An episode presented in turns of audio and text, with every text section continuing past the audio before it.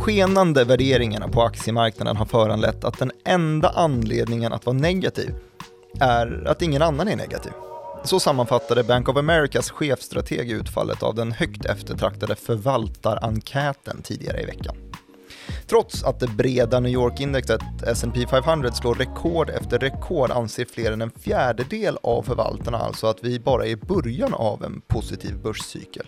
Samtidigt som ytterst få anar att börsen befinner sig i en bubbla. Och samtidigt som 17% sliter sitt hår och anser att vi faktiskt befinner oss i en bubbla. Men vilken bubbla ska vi i så fall jämföra med? För kan verkligen extrapolationen av de trender som tagit fart med digitalisering och stimulansåtgärder ta oss någonstans i fråga om att bedöma utvecklingen framåt? Eller har coronaviruset fört oss in i en ny börsverklighet där endast bärkraften från centralbankernas stödhjul räknas? Det här är Follow the Money, en podcast om makt, storfinans och börsen av och med utrikesredaktör Joakim Rönning som påstår att det väl egentligen omöjliga jobbet med att värdera tillgångar faktiskt inte alls är omöjligt utan kan följa teoretiska lagar.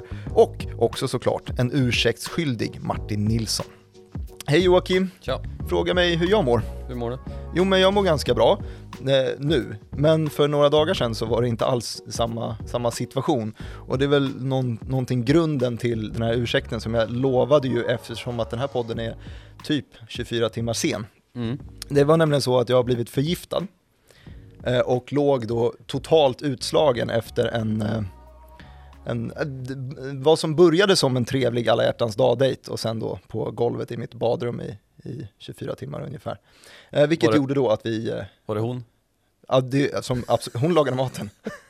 Dålig är på att dejta. Ja. Verkligen. Hur många tror du det är som har stängt av nu när jag inte Ingen, tror jag. visar sig lika tillgänglig? Nej, okej. Okay. Var det också hybris? Kanske. Du, eh, vi ska snacka om eh, bifurkation idag. Jaså du? Ja, mm. kan vi få en, eh, en förklaring på vad det är för någonting? För jag var tvungen att googla det när, när du eh, lyfte det i mötet här. Ja, att vi skulle prata om bifurkationer. Ja, ja. men det finns ju lättare ord att slänga sig med och vi kanske kan använda ja. oss av förgrening. Ja, det hade ju varit mindre pretentiöst. Ja, mm. det är det ju definitivt. Bifurkation är väl den matematiska förklaringen på, Just det. på en förgrening i en graf. Ja. Och det är ju då någonting som vi kan konstatera i marknaden eh, det senaste året här att vi har fått en extrem bifurkation i fråga om den återhämtning som har skett sedan coronabotten. Mm. Uh, där då techaktier har, uh, allt har ju, det mesta i alla fall har ju gått upp sen, sen botten där. Men vissa har ju gått upp mer än andra och det är där man menar då med K-återhämtningen, att om man drar upp olika Om man drar upp Apple i en graf och sätter uh, Volvos graf bredvid och så ser man då att den procentuella utvecklingen för Apple är klart bättre än vad den är för Volvo. Mm. Så även om den är bättre för Volvo så är den mycket bättre för Apple då. Eh, det är väl en tydlig bifurkation vi kan notera där då att eh, vissa, för det här gäller ju branscher överlag, att tech är ju mycket starkare än allt annat typ. Förutom ESG, alltså klimataktierna har ju Tänkte ju precis lyfta det också. på också. Så, så de följer samma linje som tech-aktierna? Ja men det kan man väl vad, vad, skulle hända om ett bolag hade både tech och ESG i sig? Eh, då kanske man skulle kunna bli omnämnd i den här podden. Ja, det kanske man skulle kunna bli. Eventuellt. Uh -huh. Men vi ska försöka avhålla oss från det. För jag vet vart du vill hamna här nu, mm. det vill inte jag. Um, fråga mig något, var, vart ska vi börja? uh, vi, vi frågade, där, det konstaterades i, i introt att uh, man kanske skulle göra en jämförelse. Alltså? Om det finns någon annan bubbla som är bra på det här sättet. Mm. Hur långt bak i tiden skulle du vilja gå då? 1929? Ja, ja. faktiskt. Nej? Jo, det är sant. Aha. Uh, det jag vill prata om är uh, den bubbla som sprack 1929 faktiskt. För då var det ju uh, mycket som hände såklart.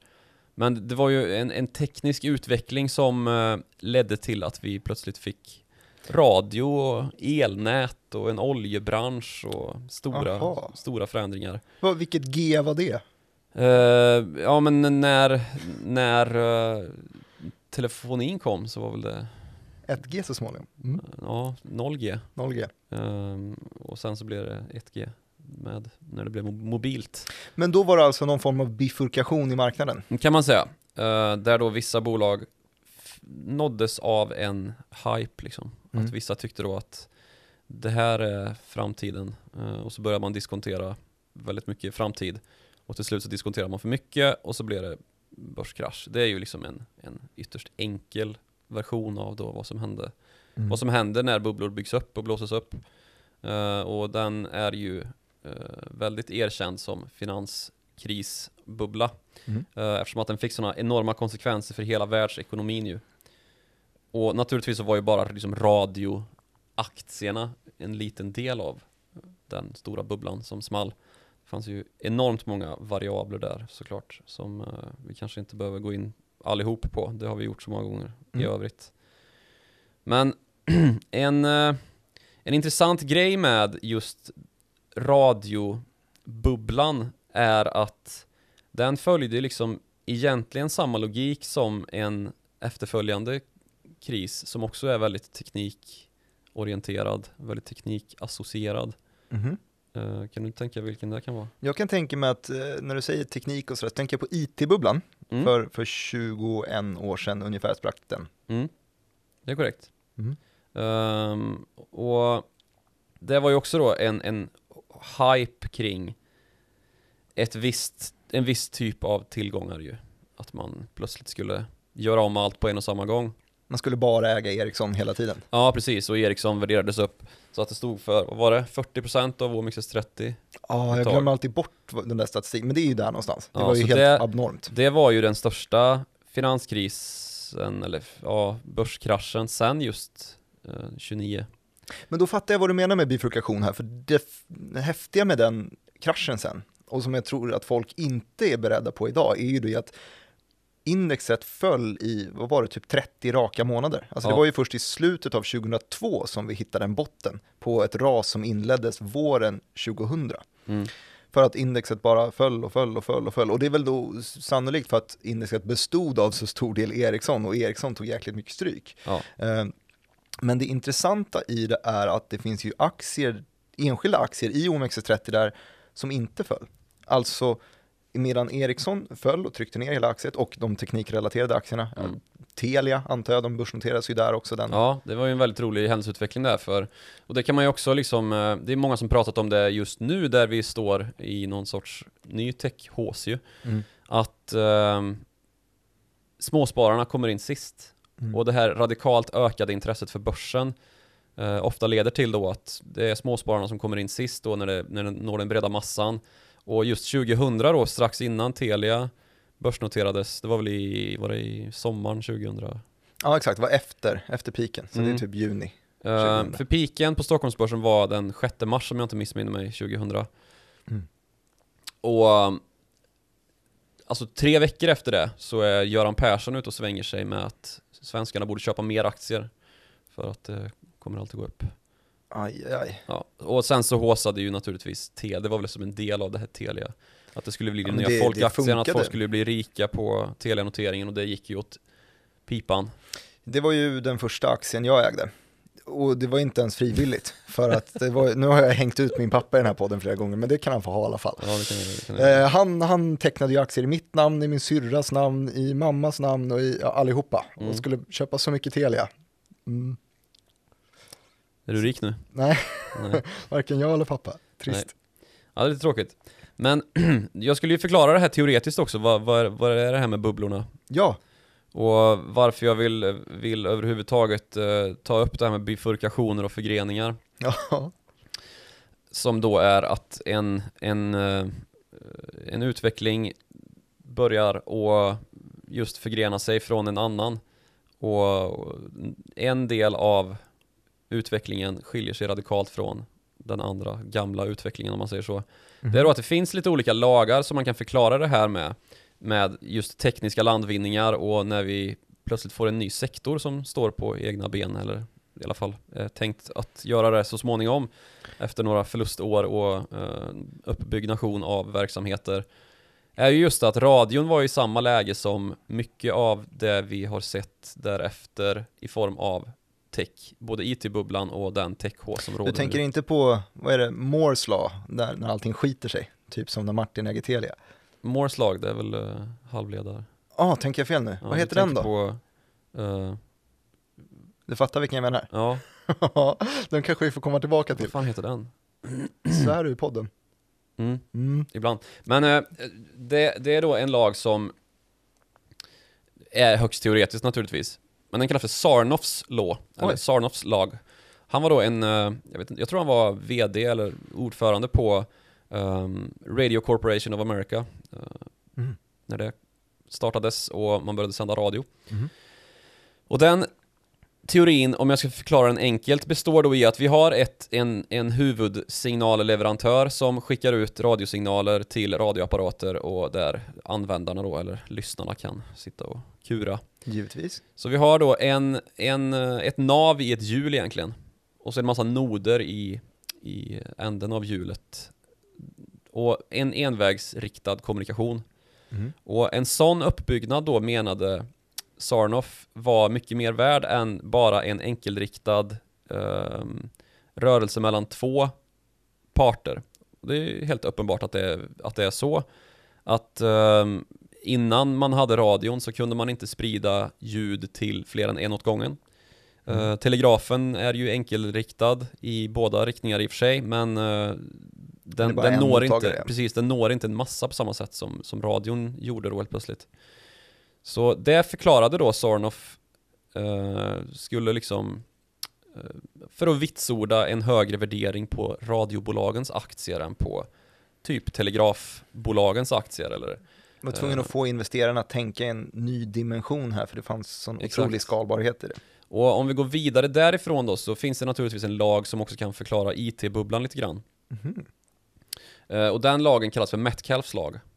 Mm -hmm. En annan teoretiker som eh, kom fram till att internet måste man, eller den här, den här idén har i alla fall uh, nyttjats då för att förklara den här uppvärderingen av internetaktier som skedde då från Netscape till svenska Bo.com som ju blev, alltså Netscapes notering brukar man ju använda som den här uh, liksom startskottet. Bubblan, ja. Och Netscape vet ju alla vi som är äldre än 25-30 är en gammal um, webbläsarterminal.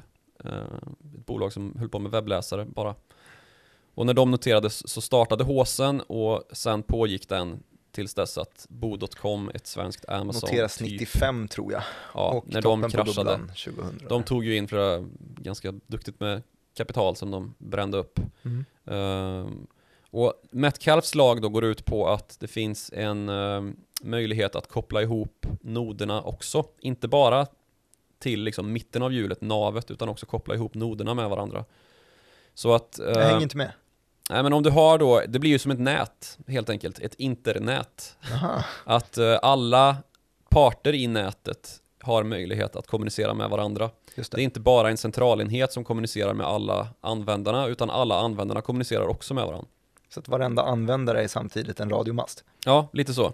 Um, och det är ju därifrån vi har hela den här grejen med uh, sociala medier, har möjliggjorts via detta och um, det, har då anv det användes då tidigt i den här IT-bubblan för att skapa nya ekonomiska modeller. Jag tror det var Alan Greenspan som, som gjorde ansats, då den gamle central Federal Reserve-chefen, som gjorde ansats att förklara då varför värderingen på, på de här bolagen, internetbolagen, dotcom-bolagen, var möjlig att ge sådana här extrema värderingar. Satt han och försvarade det här, visst satt han precis under bubbleåren ja, eller? gjorde han. Satt han och kommenterade värdering på aktier då alltså? Japp, han försökte förklara Um, hur kan vi ha det så här och ska inte liksom, myndigheter gripa in och göra något åt den här extrema spekulationen? Mm.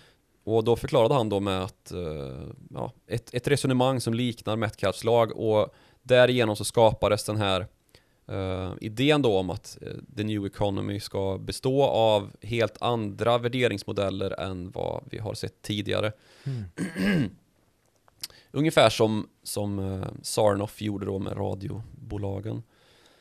Och det här, det här liksom ledde ju till att uh, Wall Street började värdera uh, bolag efter typ hur mycket försäljning man antog att en anställd kunde generera. Just det, det är ett mått som man stöter på, det är ja. ganska spännande. Och så började man med ganska häftiga optionsprogram för att ersätta ju fler, alltså fler och fler anställda. Mm. Vilket också då drev upp kursen tills det att allting kraschade och ingen någonsin fick betalt typ för IT-bubblan mm. i, eh, inuti själva eh, bolagen. Mm. Och det här är ju också intressant då om man bryter ner det ytterligare ett steg och tittar på liksom telekomutvecklingen. Uh, för vi har ju gått från då radio till, till uh, internet och vidare till mobilt internet som ju också är en, ett startskott för den bubbla som många pratar om idag mm. som en eventualitet då att vi har en techbubbla. Och den här techbubblan består ju då av att vi har fått bolag som har blivit plattformar um, som nås av människor via deras mobiltelefoner. Uh, då pratar vi naturligtvis Amazon och vi pratar Facebook kanske framförallt. Vi pratar Twitter, vi pratar um, Apple och Google. Liksom. Och den mest nedladdade av dem alla, TikTok kanske? Ja, typ. Och det som har möjliggjort TikTok, mm. det är ju 4G. Uh, eh, och den här, det finns ju, vi har ett väldigt långt bra avsnitt om just uh, ehm, 5G. Mm, det har vi. Och så.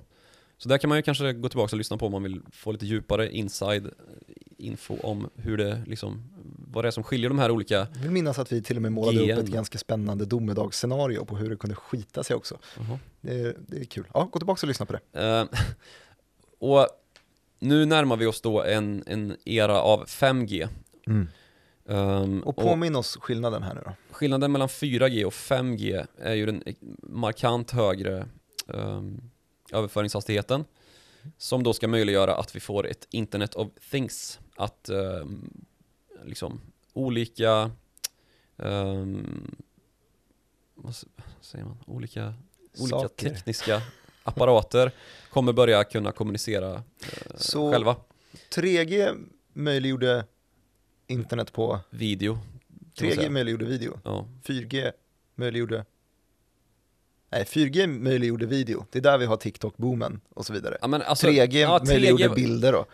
Var det Snapchat? Ja, precis. 3G, precis. 3G möjlig, alltså möjliggjorde, det fann, fanns ju fortfarande möjlighet att överföra video på 3G, mm. även om det gick alldeles för långsamt. Men det som, det stora genomslaget var ju då att man kunde börja överföra bilder i hög hastighet, så MMSen kom ju i princip med 3G. Mm. Uh, och det gick på 2G, men det var väldigt långsamt och dyrt mm. typ. Så, men utvecklingsstegen har ju varit så att uh, du möjliggör, men sen så, alltså, blir det inte praktiskt användbart förrän i nästa steg då. Mm. Um, så det som ska möjliggöras med 5G är ju då att maskiner börjar prata med oss. Men okay. det, att, att de faktiskt börjar prata med oss och varandra är ju kanske först 6G. Um, ehm, och 6G då... Men 5G är ju knappt här. Nej, precis. 6G, det, ju, det finns ju fortfarande bara i teo, liksom teoretiska modeller för och en, uh, vad ska man säga, en modell där man uh, föreställer sig vad det ska vara för någonting. Och om vi tänker oss då att Internet of Things är 5G, alltså där apparater, smarta uppkopplade apparater pratar med oss, mm. eller en, alltså via ett moln då är det ju tanken ett IT-moln mm. och en server som står någon annanstans och skickar signaler till och från de här olika Bilar apparaterna. Bilar pratar med varandra för Precis. att justera köbildning. Så är 6G då Internet of Everything, att uh, den här processkapaciteten sitter ute i de olika maskinerna så att de kan fatta de här besluten som nu kommer fattas via moln mm. hos sig själva. Uh, och vad man tittar på då i form av teknisk landvinning så är det ju kanske realtidshologram som är, vi närmar oss när vi går mot 6G. Mm. Och där vi står i med 5G är ju kanske, det finns ju ett svenskt bolag som heter Surgical Science som, som vill möjliggöra Um, alltså kirurgi på fjärr, att man ska kunna operera via ett Ja men jag är bekant med dem, jag har råkat intervjua Gisli Hennemark som är vd där, mm. kanske, kanske fyra, fem gånger eller så. Uh, så där har du helt rätt, just robotkirurgin, det, mm, det är, det är superhäftigt ju. Och det här ska ju naturligtvis också driva upp automationen överlag då i samhället. Så att man i en, eh, våldsamt. i en framtid kan använda en, en flink kirurg som är bosatt i Florida eller vad som helst för att göra en operation i Tyskland eller vad som helst. Var du vill. Mm, just det. Um, Mars så småningom. Just det. Så det är då Metcalfs lag som har möjliggjort att vi kan värdera upp uh, techbolag. Mm. Eller? Ja. Det var ju din oh. teori. Nej, det är det faktiskt inte. Nej. Det är Reeds lag. Jaså? Uh, det här Metcalfs teori, det skulle jag vilja applicera snarare då på, på internet som sådant. Att vi plötsligt har en massa enheter som kan skicka skicka en massa meddelanden. Så, så varför har du gjort den här avstickaren och fintat oss med Metcalfs lag då? Nej, för att det är väldigt närliggande det som eh, jag vill gifta ihop med tech då, och det är som sagt Reeds lag. Eh, och där är det mer i form då av att det påförs ytterligare en multiplikator på den här modellen. Mm -hmm. Där man då värderar upp ytterligare när det här nätverket då under det som Metcalf har upprättat, eller vad man ska säga, så finns det ytterligare en finess och det är då skapandet av uh, högeffektiva kluster. Och de här högeffektiva klustren då där användarna har särskilt god kontakt med varandra kan då agera som en, en uh, multiplikator för just värdering och skapande av, av um, ja, men produktivitet och välfärd. Har vi ett exempel på ett sånt kluster? Ja, men alla eh, sociala medieappar som når överallt eh, är ju just sådana kluster. Alltså mm. Facebook är ju ett stort kluster på internet där folk har extremt eh, goda kontaktmöjligheter med varandra. Mm. Och den här frekvensen i, um, vad ska man säga, um, klustren då, alltså effektiviteten i de här klustren går ju upp undan för undan när vi får högre signalkapacitet och tänk liksom realtidshologram där du kan logga in i olika virtuella rum och samverka som om du stod och gick i samma rum ungefär utan att behöva resa till arbetsplatsen eller dylikt. Då Pan är pandemisäkert känns ju det. Väldigt pandemisäkert ja. Och mm, då tänker man sig väl att det når ytterligare en grad då av det som i teorin kallas för just Reeds lag. Blir det här slutet för all, all form av urbanisering när vi lyckas landa in ett Eh, tillförlitligt 6G i världen typ. Det är ingen dum tanke liksom, men jag tror att det blir svårt att kanske komma från det här eh, helt fysiska närvaro. Man ska ju sätta upp masterna också någonstans. Det, det. kommer ju alltid sist till. Men nu pratar vi väl liksom första 6G experimentellt, det kanske kommer liksom om 15 år, jag vet inte. Och sen är det ytterligare 15 år innan Innan det är applicerat maskiner. överlag. Men vi, det här vet vi ju inte liksom och det är ju högst spekulativt alltihop. Och det är inte. ingenting som vi sysslar med. skulle jag aldrig göra. Nej. Men, men, ja. Men vad, har du, vad har du för spaningar på, om man ska dra ett streck från den här eh, tech-grejen, nätverkseffekter, Metcalfs lag och som du sen blandar mm. in Reeds lag, 5G till 6G? Ja men det jag vill prata om är ju egentligen liksom utveckling, att eh, de här um, förgreningarna eller bifurkationerna, det är, ju, det är ju det som händer när vi har utveckling. Och den utveckling vi har skapas ju av oss människor. Mm. Och den människoskara vi har utvecklas ju också, eller vad ska man säga, byts ut. Uh, de, vi har just dör. nu... Ja, de, de dör och Vissa dör ja. ja. ja, precis. Och andra föds. Och vi har ju en ganska hetsk debatt som pågått, eller debatt, jag vet inte, en hetsk retorik som har kommit att liksom clincha eh, åldersgenerationer emellan med boomers mot millennials och så vidare. Ja, den har blivit het på senaste. ja, verkligen. Och med Reddit-fenomen och annat som, som spökat i marknaden där två stycken generationer uppenbarligen kommunicerar på helt, i helt olika medium liksom med en helt olika Olika kluster skulle man kunna säga. Olika kluster skulle man kunna säga ja. Um, och just den här Eh, generationsväxlingen sker ju inte bara i telekomnätet liksom, utan den sker ju här i real, realiteten också. Och um, då tycker jag att man ska titta lite grann på vad som händer i beteendemönster också liksom hos olika generationer.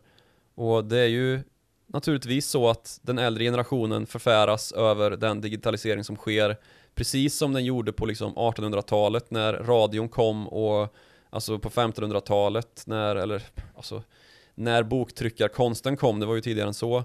Ja det var hemskt faktiskt. Eh, Att eh, plötsligt ska någon kunna sitta och skriva någonting och så, så läser mina barn det och så har de kontrollerat deras tankesätt var ju liksom mm. farhågan när bok, boktryckarkonsten kommersialiserades.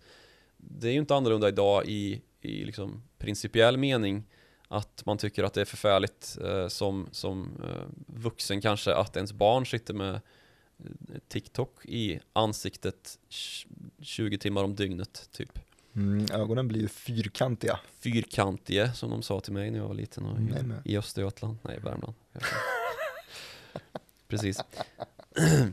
Nej, det var, en, det var en recension då som hade gått lite snett. Där. Ja, det är faktiskt det roligaste. Man kan ju skriva recensioner till oss på de olika podcast-apparna och en av dem är ju iTunes och där, den översta recensionen just nu, älskar Joakim Rönnings eh, östgötska dialekt. Mm, Prisa den.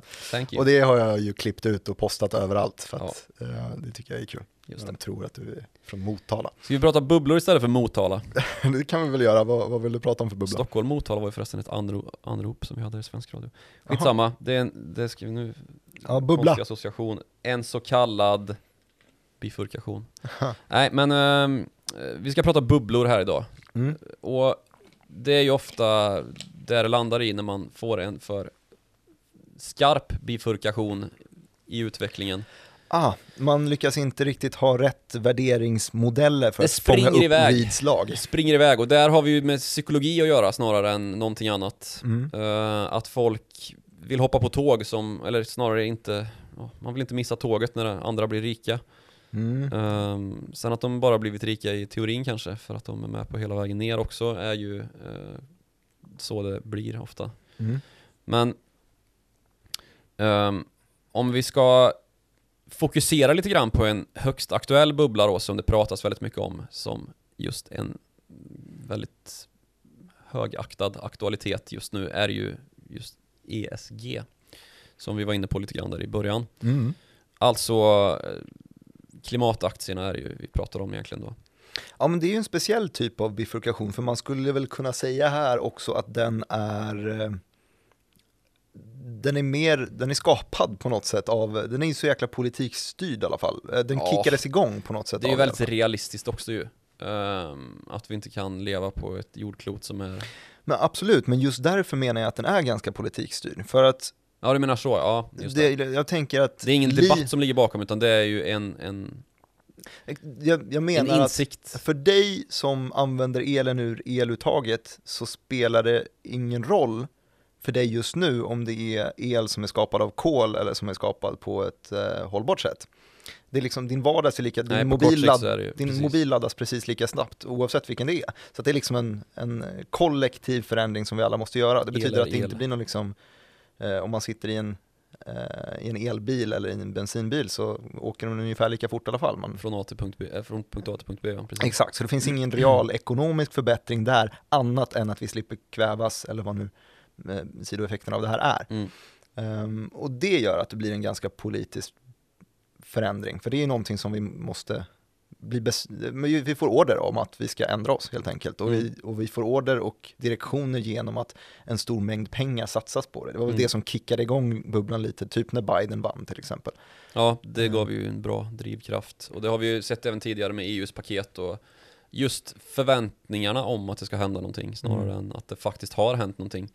Ehm, och där kan vi ju liksom se en tydlig trend också i det generationella ju. Att det är en, jag orkar inte kalla det för en Greta-effekt men att de yngre, den yngre generationen ju verkligen har drivit på i den här frågan. Mhm. Och att det snarare är då Alltså de klimatskeptiker som finns är ju oftast inte en ung tjej liksom. Nej, Ehm, men det är ju någonting som vi också har sett som man, att Eller kille för den delen. Och det är väl, det är väl ganska, ganska ehm, skönt för de kvinnliga investerarna också på något sätt. För att det är de som varit de stora vinnarna. Ja, så är det väldigt tydligt också. Att det är så så. det kanske förhoppningsvis att det har skett en liten transferering som Mm. gjort att välkomnat dem in på börsen på något sätt. Mm. Och nu, nu har det ju liksom av konservativa krafter, framförallt amerikanska konservativa krafter, som ju har ett och annat att göra med olje och fossilindustrin i USA, påpekats då att vi har rolling blackouts i Texas, som är då en delstat som eh, traditionellt sett är helt beroende av olja och gas. Mhm. Och nu har man börjat fasa ut det eh, så att man bara för någon månad sedan här hade en högre generering av vind, eller högre vind, andel av vindkraftsgenererad el än vad man hade av olje och gasgenererad el.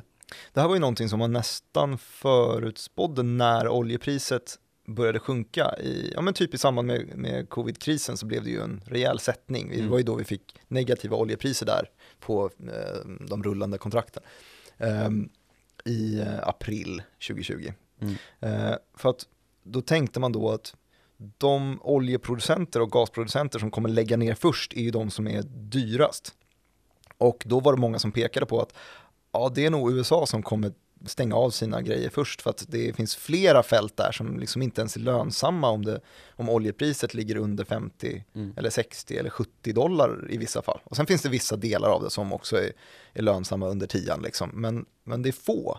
Ytterst få. Eh, och det gör ju då att de blir de som lägger ner först och då får göra det här skiftet. Och då har man nog inte lyckats, eh, lyckats fånga upp all den el som man behöver. Och vi ser väl lite samma sak i, i Sverige också. Det har väl varit en Ja. ganska stor debatt efter Ja, det, kärnkraftverken där. precis. Den är ju högst het just nu. Men jag vill säga också att det är ju inte bara en effekt av ehm, att vi försöker övergå till grön el, att vi har rolling blackouts i Texas. Det är ju också en konsekvens av att ehm, många av de här utvinningsplatserna inte funkar under de temperaturer som råder just nu. Det är för kallt. Det fick allt ja. Ehm, och visst att hade man haft ett, ett större urval av skiffer, oljemöjligheter i, alltså öppna då, så hade man kanske kunnat ja, stävja det här problemet nu. Mm. Men är det verkligen den gröna energins fel? Det har ju påpekats, menar jag, felaktigt att nej, men det är ju för att vindkraften inte heller klarar vilken kyla som helst. Mm. Eh, Jag tror definitivt att de klarar den kyla som har varit i, i Texas, även om det har liksom snöat på sina håll så, så, så har jag svårt att se att liksom det skulle vara den, den liksom mest brännande punkten i det energisystemet. Och sen så har vi ju just det här med att vi måste ju. Ehm, och det som jag tror du menar med politiskt liksom att det här drivs ju på av att vi vet nu att vi måste övergå till grönt. Så då kan man ju fråga sig då hur pass liksom bubbelmässigt är det att de här aktierna i bolag som ska utveckla den, det nya gröna energisystemet ja, blir för stora. Har du någon idé? Nej. Nej. Nej men de, den, den finns ju naturligtvis. Det är ju högst tänkbart att det blir så. Precis som det blev 1920-talet när ehm, just energisystemet blev, alltså energiaktier, bolag som upprättade nätverk för att skicka ut energi Mm. eh, och oljebolag också värderades upp något Ja, men alltså det har magnifikt. vi snackat om förut också, att när det skapas sådana här bubblor eh, så och man vet att det kommer investeras extrema mängder pengar i det och man kommer slänga pengar på vad som helst bara för att hitta någon lösning. Vi, det var en, eh, en rik man i världen som till och med utfäste en liten så här, en, eh, prissumma för någon som lyckades lösa ett litet miljöproblem. Förlåt, nu ramlade jag in på Elon Musk igen. Nej, så säger du Förlåt. också. Ja. Okej, vi hade Elon Musk-podden. Tummis på att vi inte skulle nämna honom idag. Ja. Men nu blev det så. du Men. Men ehm, precis. men det jag och- menar är att då, då finns det, det drar ju till sig bolag som scammar också. Mm, det gör det. Men till syvende och sist så, så har ju oljebranschen inte dött av att eh, vi hade en finanskris 1929. Så lika lite som vi såg den utvecklingen tror jag vi kommer se en utveckling där liksom ESG-bubblan leder till så mycket värst mer än att en del människor kommer eventuellt förlora pengar om en sån bubbla spricker. Mm. Eh, för det måste ju utvecklas nu, alltså så här, svaret på att eller lösningen på att Texas ska slippa rolling blackouts framöver där energisystemet kollapsar för att det helt enkelt inte finns tillräckligt med eh, el till att försörja systemet med Mm. är ju inte att gå tillbaka till kolkraftverk som är synnerligen liksom eh, pålitliga vad det gäller just att generera el även i kyla. Mm. Utan det är ju att skapa ett grönt alternativ till det. Eller sälja färre elbilar. Ja. Är det inte att folk sitter och ju- ladd... Nej. Kanon, en kanonidé också. Nej men då finns det ju redan en del lösningar för det. Vätgas bland annat då som, hade man haft en, en fullt utbyggd uh, vätgas liksom, systematik med då grön eh, energiproduktion när det funkar, eh, att generera då den vätgas som behövs med gröna alternativ som vind och sol då uh, under sommarhalvåret så kan man lagra den och sen nyttja den Just det, under, för det är det vätgasen har som, som USP där, Ja, det är ju en av USParna i alla fall.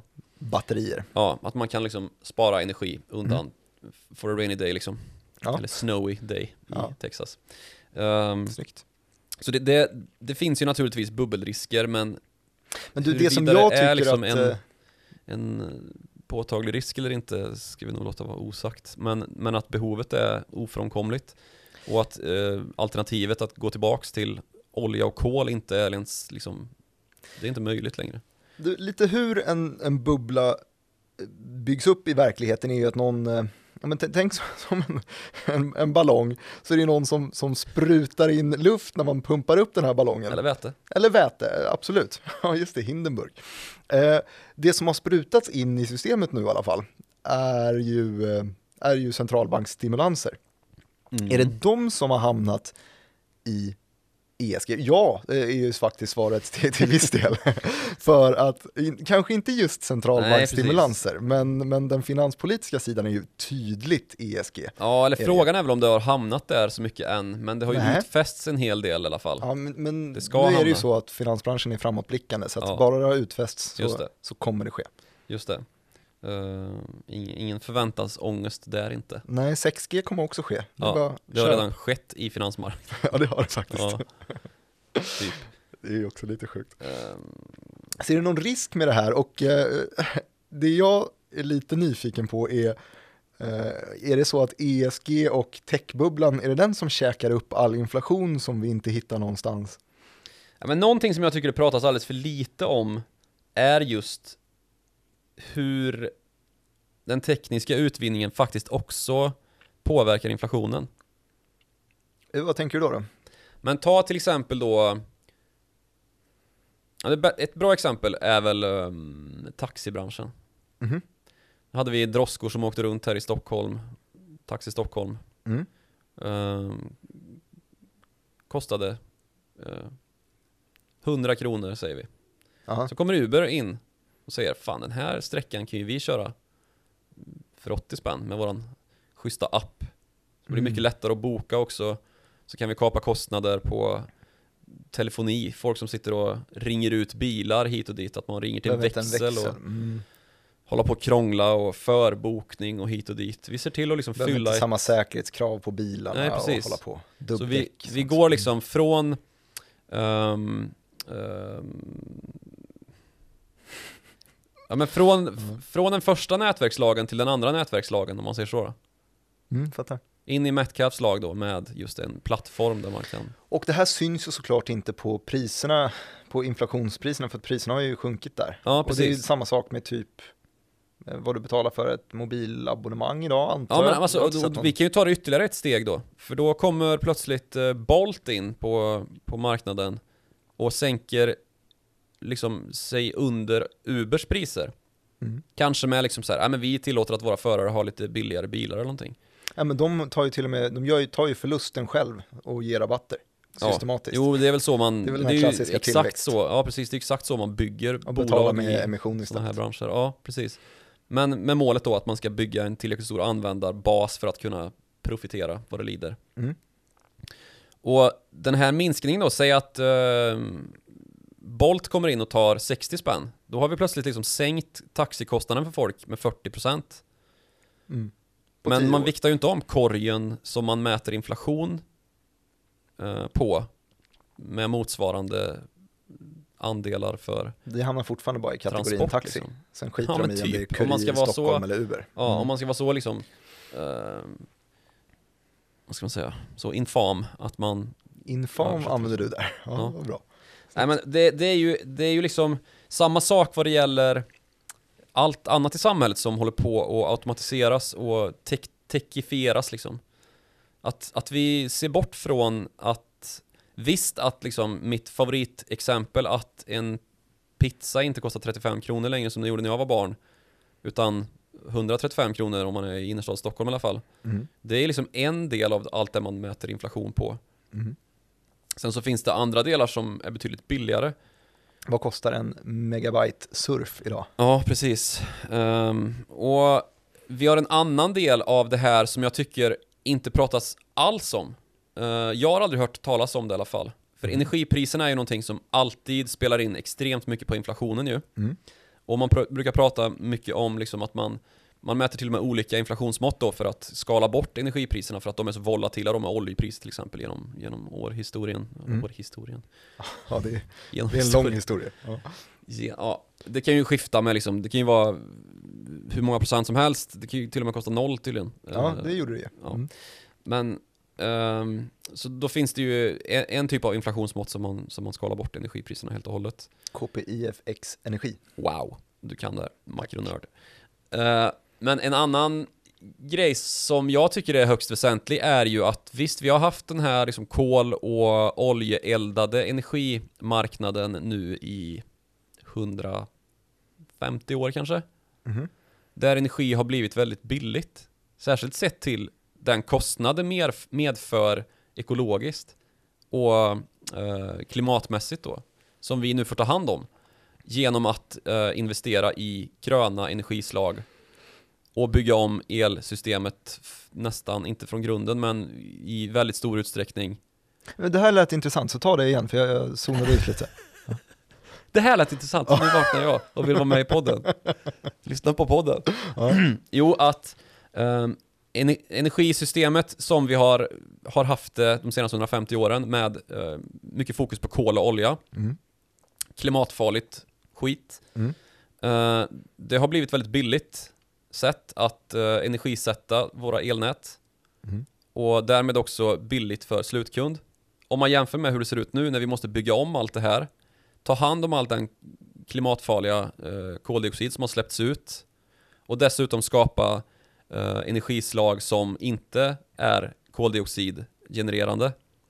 Då får vi en, en liksom kostnad på oss nu som medför att det kanske är fullt rimligt att elen kostar mer för att vi har betalat för lite, alltså det blir som en generationsskuld nästan. Är det nu vi blandar in de här, var det, var det Piketty som äh, jag älskar Piketty. Ja, jo. Nej men som, som ville att man skulle ha en global koldioxidskatt. Jag vet, ja. Kan, kanske i alla fall. Eh, men som, som förespråkade, den sidan i alla fall, förespråkade ja. den, den typ av, av eh, av skatt och det skulle ju kunna eh, försvara en sån här sak i så fall, mm. att det skulle vara dyrare eftersom att vi, det är ingen som har betalat för det hittills. Nej, precis. Och jag tycker inte att det är särskilt liksom mycket svårare än att känna um, generationsskuld för andra saker liksom. Mm. Att vi har premierats av att ha låga energipriser. Nu får vi kanske göra rätt för oss för att vi måste överföra jorden till uh, våra barn någon gång i framtiden liksom. Om man nu vill ha sådana. Ehm, men det är inte konstigare än att det finns en, en skuld från västvärlden visavi stora delar av andra världen. Vi har varit inne på liksom våra imperiedominanta eh, välden som har kört över Afrika, Sydostasien, you name it, Australien, Sydamerika liksom. Att eh, världen ser ut på ett visst sätt på grund av en utveckling som har varit i i det förglömda liksom. Mm. Att man kanske får friska upp sin eh, historia lite grann. Och då kan det nog leda till att man fattar lite mer rationella beslut också. Och inte ser på saker som en, en liksom orättfärdig eller orättvis kostnad utan som en praktisk liksom, konsekvens bara som man faktiskt får foga sig lite grann efter. Betyder, du, betyder det här då att vi ska vänta oss eh, noll real ekonomisk tillväxt i en tid framöver för att, för att det ska liksom justeras där? Eller kommer centralbankerna bara lösa det? Precis, för det är ju det här problemet som vi har haft i till exempel Japan mm. eh, och andra delar av Asien, men framförallt Japan kanske, där man har då först då det förlorade årtiondet som det kallades, som råkade bli ett till och som nu har blivit ett tredje. Så 30 år av liksom stagnation och i princip ingen tillväxt i ekonomin. Mm. Nu är det ju inte så att Japan är ett bedrövligt land för det. För man började ju på en ganska hög nivå då efter det här att man hade en sån skenande tillväxt under andra halvan av 1900-talet efter andra världskriget. Mm. Men ja, där har vi ju verkligen stora problem som är på det, på det både finans, finansplanet och på, på polit, det politiska planet. De är liksom tio år framför oss, kanske mer, i ganska många små puckar som vi har pratat om idag. Vi nämnde kort ju demografi, eh, vi pratar i alla fall om generationer och så vidare. Där har man ju också fått den här pyramiden så att den står upp och ner, mm. att, man, eh, att man föder färre. Precis. Det finns många gamla och som lever väldigt länge också verkar det som. Mm. Pensionsproblemet. Ja, och det, är ju, det lirar ju ganska bra med då att, alltså vi måste ju få till den här automationen nu. Vi måste få till den här effektiviseringen av ekonomin, att uh, saker nästan producerar sig av sig själva liksom. Mm. Och, jag vet inte, det...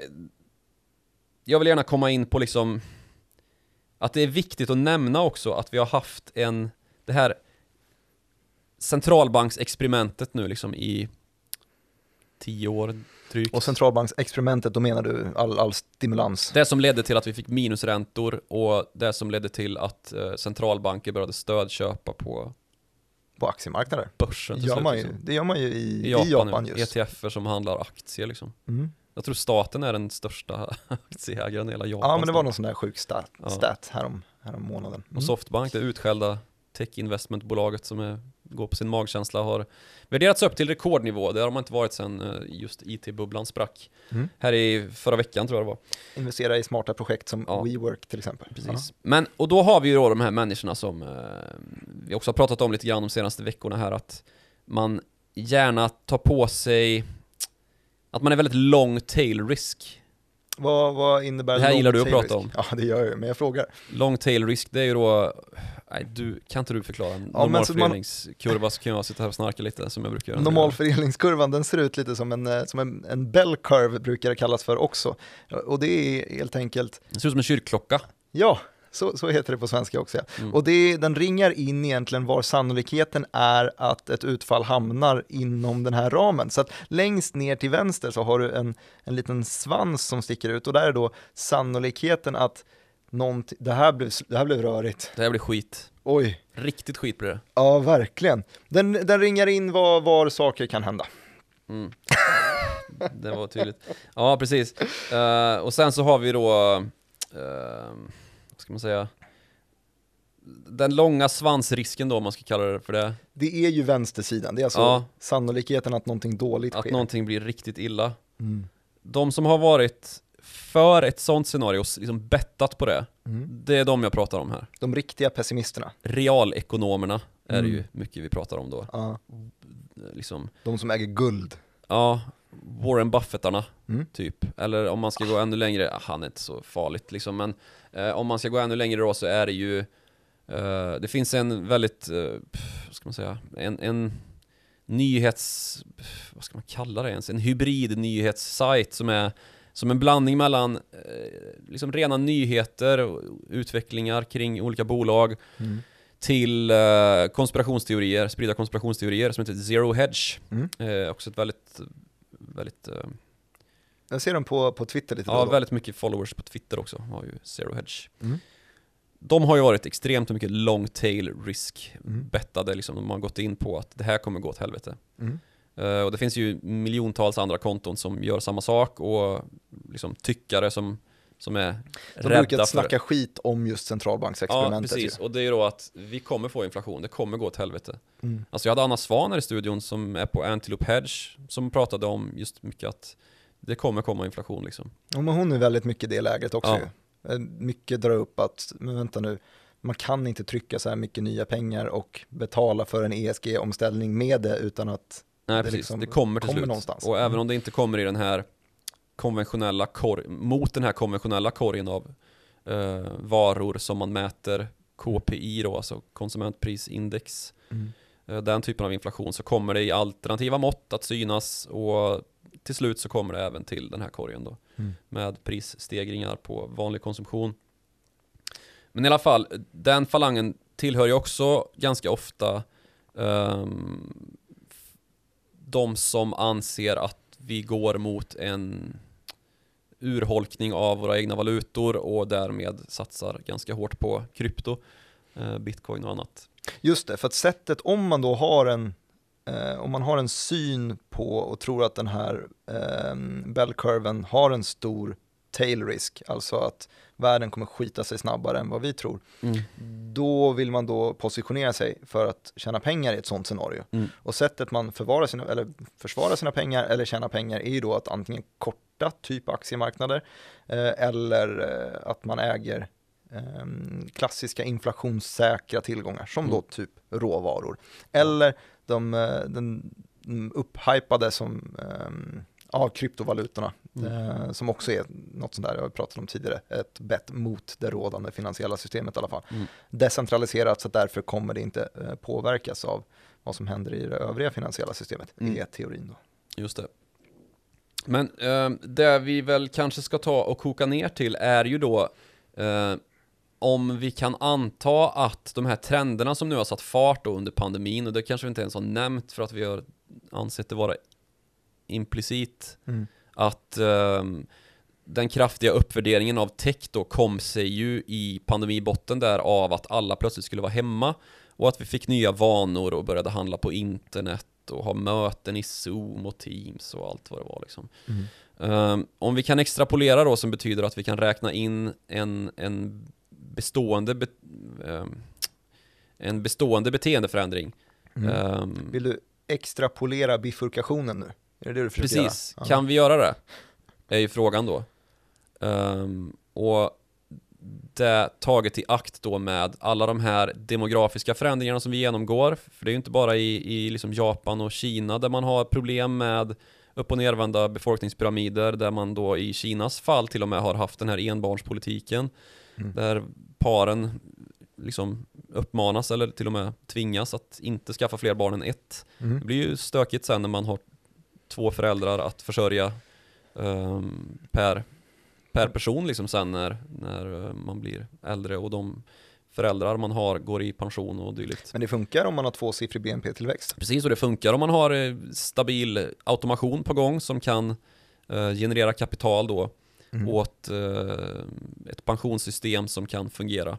Mm. Så det är ju det allting står och hänger på då, att vi lyckas extrapolera automation och att vi lyckas extrapolera techifiering och effektivisering på bred skala liksom. Mm. Så...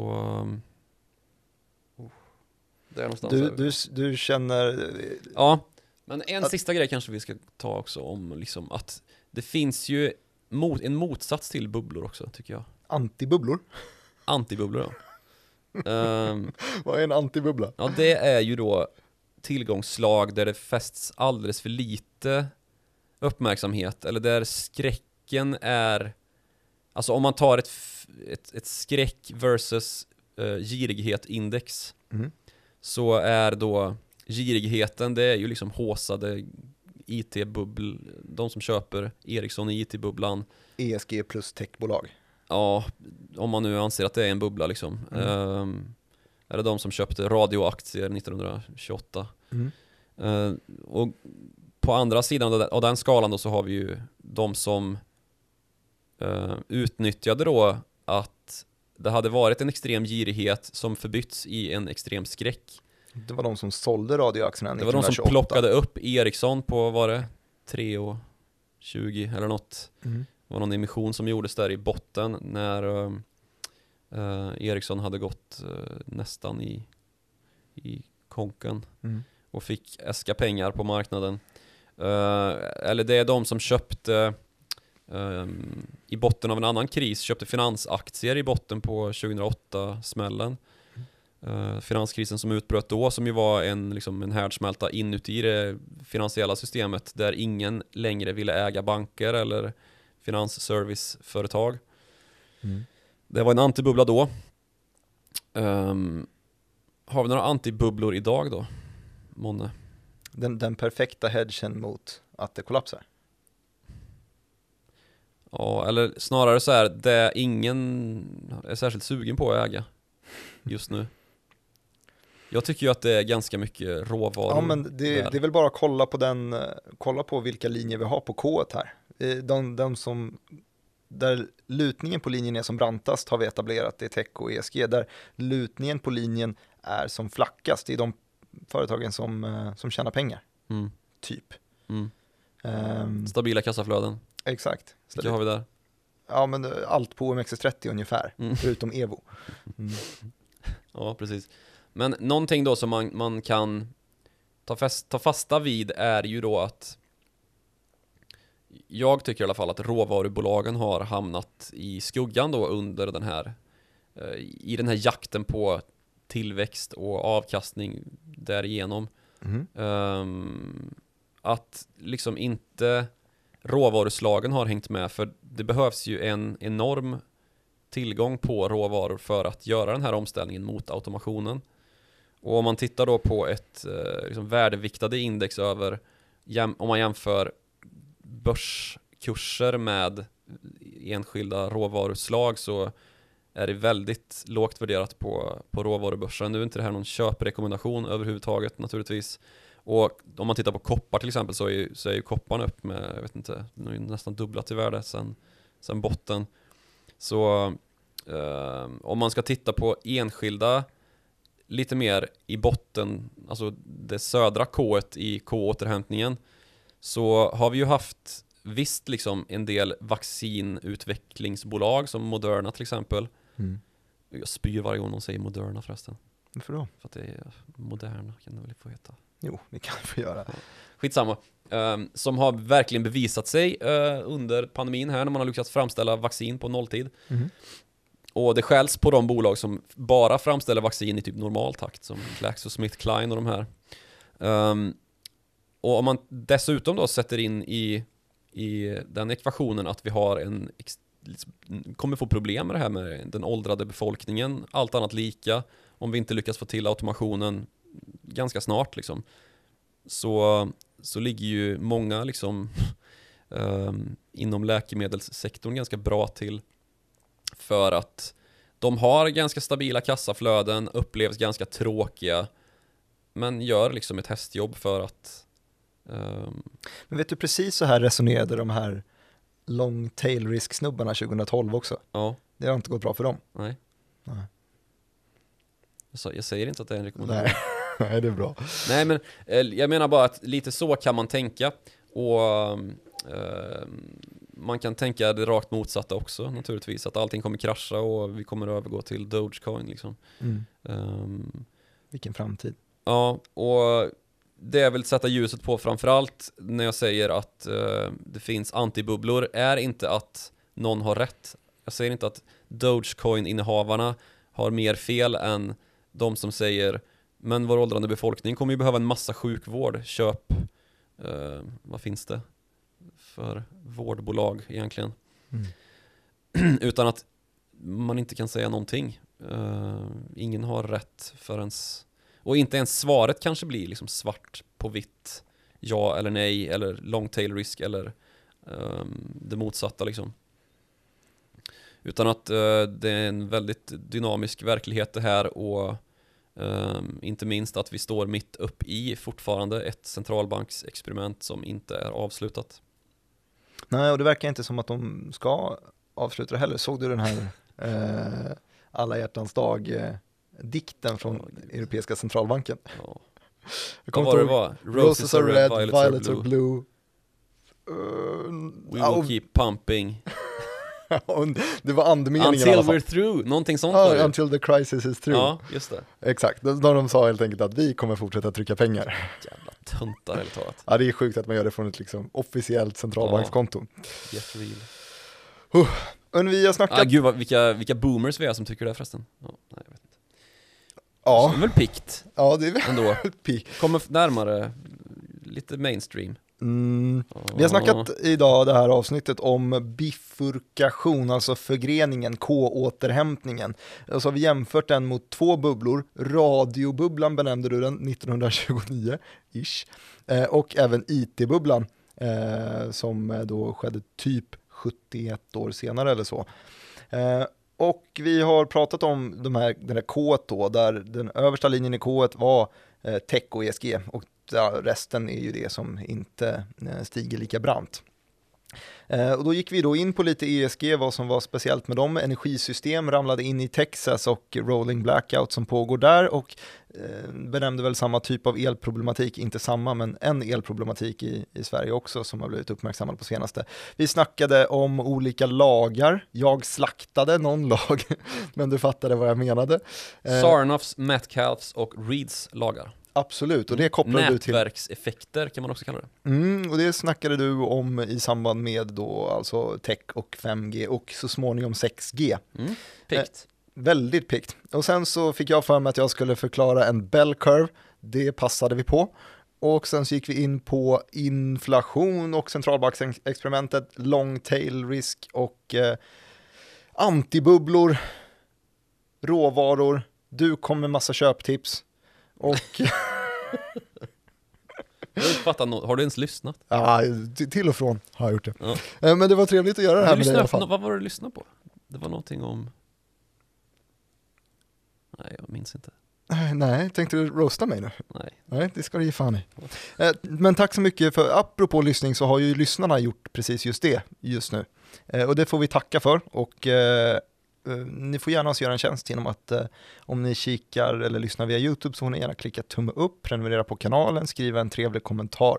Eh, ni får också eh, skicka in en liten recension där det går att göra det på eh, den appen som ni lyssnar via om ni lyssnar därigenom. Och så får ni skriva till oss på Twitter. Eh, utrikesredaktören här, han, han heter snabel Joakim Ronning och eh, jag heter snabel Direkt Martin. Eh, och så kan man mejla till oss och det är någonting som når oss båda. Eh, och det är mejladressen followthemoney@direkt.se. Eh, och där, det är kul att få saker där. Det var väl allt. Ja, vi hörs. Ja, det gör vi. Hej. Ha det så fint.